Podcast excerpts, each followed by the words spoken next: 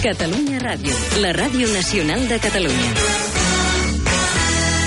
Falten 4 minuts per les 3 de la tarda. Us saluda Daniel Badia. Aquesta tarda es decidirà quan el Lleida Esportiu podrà jugar el primer partit de Lliga d'aquesta temporada al camp d'esports. El que ja està confirmat és que el cap de setmana que ve tampoc hi podrà jugar contra l'Espanyol B totes les previsions inicials.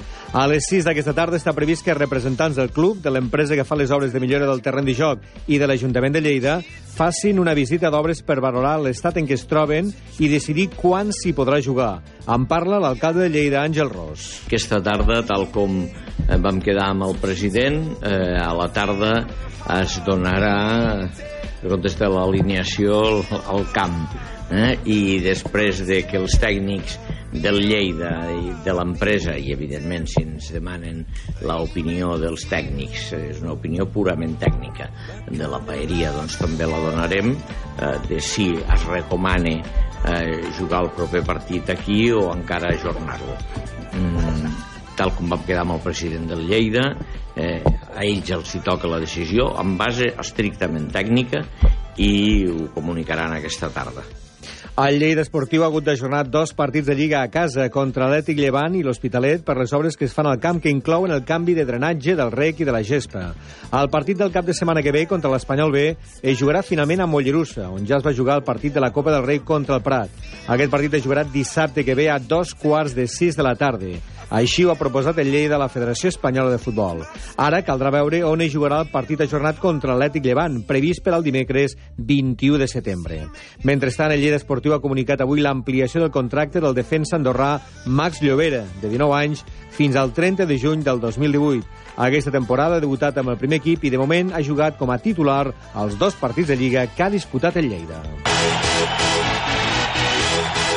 L'Ajuntament de Lleida quantifica en 320.000 euros l'impacte econòmic generat pel torneig de bàsquet de pretemporada de Movistar, que s'ha disputat al pavelló Barris Nord de Lleida de divendres a diumenge amb la presència de sis equips de la Lliga ACB. La inversió municipal va ser de 25.000 euros per portar el torneig a la capital de la terra ferma.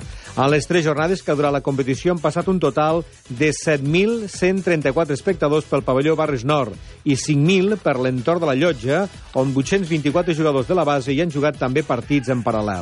Rafael Peris, tinent d'alcalde de l'Ajuntament de Lleida, diu que és una experiència repetible i ho han demanat a la CB. Sí, evidentment, no? Vull dir, nosaltres tornarem a presentar candidatura, per així dir-ho, eh, per properes edicions, perquè el resultat doncs, entenem que, que ha sigut positiu, eh, no només eh, per tots aquests espectadors, per la viralitat d'aquest vídeo, etc etc, sinó també per tot el que ha comportat de promoció del, del bàsquet a nivell de, de base, amb els eh, tornejos doncs, que s'han jugat a, a, la plaça, a la plaça de la Llotja.